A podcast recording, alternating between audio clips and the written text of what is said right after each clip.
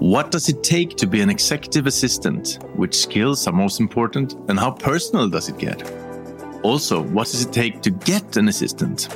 In this week's episode, I discuss these topics with Kristina Håbjörg, who's the executive assistant for Kristin Skogen Lund.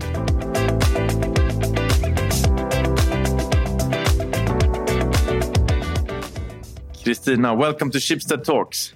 Thank you. How are you doing today? I'm doing fine.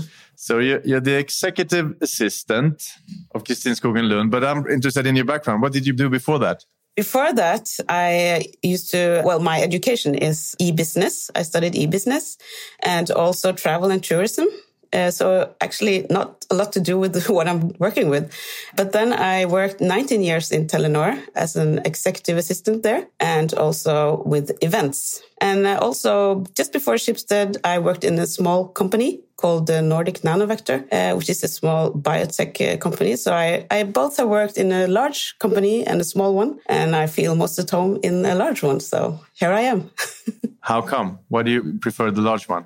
I just like, uh, you know, to be a part of something bigger, I guess. And I like the collaboration between different departments, you know, in the bigger picture. Yeah. Uh, that summarizes Schibsted in a way, I would say. H how long have you been working in Schibsted? I've been there since the uh, 1st of January. So I started uh, during COVID. okay, okay. You're really skilled at video meetings then? Yes, I feel so. Uh, but it has worked well. So, uh, but I'm happy to be back at the office now. Uh, what does it mean to be executive assistant? What, what's the job description? Well, in short, it's just coordinating the practicalities for the executives uh, so that they can focus on what they're here to do. But uh, going more into detail, it's mainly managing the calendar, of course, for the CEO and CFO. And then it's the thing, you know, I act kind of as a gatekeeper because a lot of people, you know, wants meeting with them. From lunatics or from, from everyone? yeah, also lunatics. No, no, just kidding. I just need to, you know, manage, manage the day and, and make sure they have some space as well because there are a lot of people wanting time with them. Uh, so sometimes I have to be strict regards to, to time management uh, on their behalf. Uh, so that's a part of the job, you know, being able to see what's important and what can wait. Yeah. Being a, being a gatekeeper, I guess. Yes, yes, yes, certainly a gatekeeper. Uh, and also I support the board of directors with the practicalities. And then it's, you know, ordinary admin tasks uh, such as expenses, so on. And a lot of my days also is correspondence, uh, both internally and externally. And I also support the, our head of people and corporate affairs. And I also collaborate with communications department when it comes to managing the CEO and CFO's events participation. You've been doing this for a long time. Which skills would you say are most important in this job? Oh, uh, Personally, I think being an assistant, it's kind of in your DNA. Either you are or you're not. But the most important, I think, is, you know, being service minded. Of course, uh, you want to help people. And then it's the thing of uh, having attention to details. Very important uh, to see those small things that could make a big difference loyalty uh, extremely important. You know you have to be a person that can be trusted and a lot relies on that actually. So i think that's the most important. And then of course uh, you're a problem solver. You have to be like a wizard when it comes to you know calendar puzzles and so on.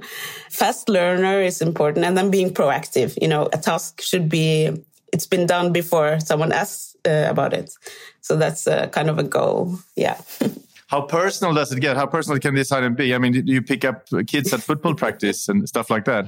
Well, uh, during my career, I must say uh, it has happened that I have helped out with, you know, kind of the personal uh, side for my boss, like just errands that has to be done during work hours, right? And but I, I see that as a part of the job. Actually, you know, sometimes it's not enough time to get everything done. So um, sometimes, yes. Yeah.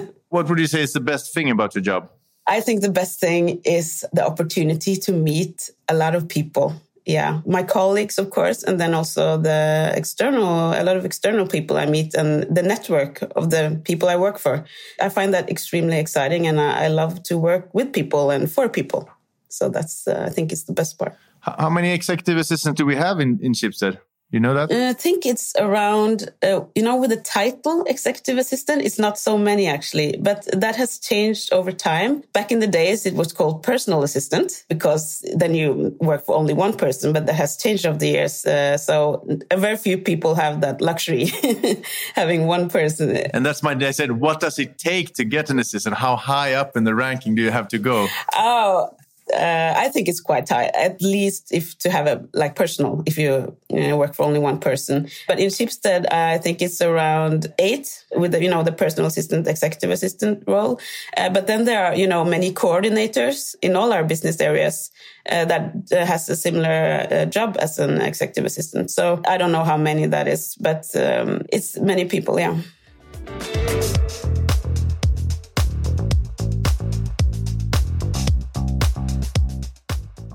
In your line of work, you must hear a lot of business secrets. Do you have to sign some sort of an NDA? Well, um, I haven't signed any special NDA except for when signing the contracts, like everybody else do. But uh, of course, since I'm working for the CEO and CFO, I'm, I'm of course in, on an insider list with regards to stock. yeah stock yeah, exchange. Yeah, so I have to be careful there, of course. And I have access to a lot of information. That doesn't mean that I read everything. I have access to, of course. so, but it's it's you know it comes natural to me. Are you good at keeping secrets? Yeah, I believe I am. If not, I wouldn't have been in this job for such a long time. And that, you know, brings me back to when you asked about the job description and being a person you can trust is uh, very important. And it comes very natural to me to kind of, you know, don't talk about things I'm not supposed to talk about. But this this is maybe not a business secret. Which is Kristin Skogenslund preferred Oslo restaurant if she goes out for a lunch meeting? I'm guessing you booked the table. Good question. Actually, she never has lunch at the restaurants. Her favorite uh, restaurant then must be the canteen in Akersgata, our offices in Oslo. oh. Yeah. yeah, yeah, yeah. We know that. So if you want to meet her, you go to the canteen. Yeah. Do that so, how has the pandemic treated you? I think uh, since I started to work uh, at Schibsted during the pandemic, it was kind of strange. I thought that this, how will this work, you know? But then uh, it worked out very well. I got a very warm welcome and I'm very lucky to have, you know, I have my family, I had my family around me and we have enough space at home. So I wasn't affected in that way uh, negatively, so to say. But um, professionally, I, I got a lot to do from day one, actually. So I kind of kept busy. So I didn't have any time to, you know, reflect a lot about the negative sides of working from home alone, starting a new job. So it's gone well, uh, I must say. But of course, it's, uh, I wanted to meet my colleagues. And um, I guess I, I just got to think about, to appreciate things I took for granted earlier, such as socializing, uh, for instance, and traveling. I love to travel. So I felt kind of trapped from time to time. So I think that's a good thing that I've learned uh, throughout the pandemic. Yeah. And did you get to travel? I actually I got one trip during the pandemic, and that was to the Faroe Islands. Uh, it just opened up. We went, and then it closed when we came back. So we were really lucky to get that one. So let's get to know you a bit better. Then it's Friday afternoon. Oslo is busting. The restrictions are over, and so is the job week. What are you going to do?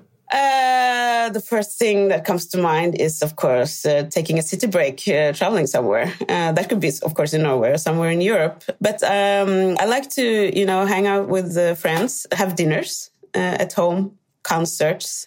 I love music. What's your super recipe? What do you cook for for your friends?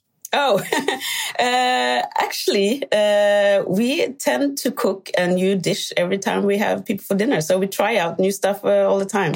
Uh, we do, yeah. So no uh, particular favorite there. So on this specific Friday evening, you're having friends over and cooking a new sort of meal. Yeah, a new meal. Uh, we just Google something, have a nice meal, and of course something nice to drink to that.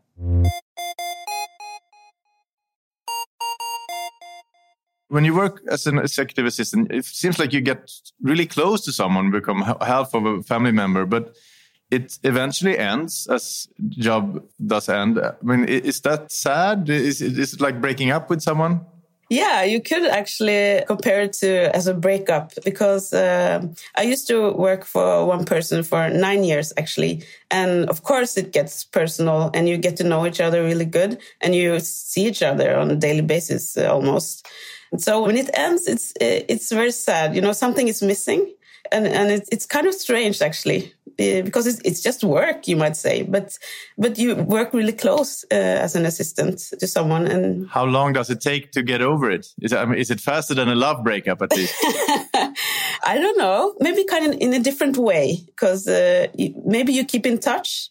You know, uh, ask for advice. I, I have done that. Uh, so so you kind of hold on um, in a way uh, so that it's it's not completely over uh, and i think that's nice so, but yes, it's uh, that's it's kind of sad when you have to leave someone.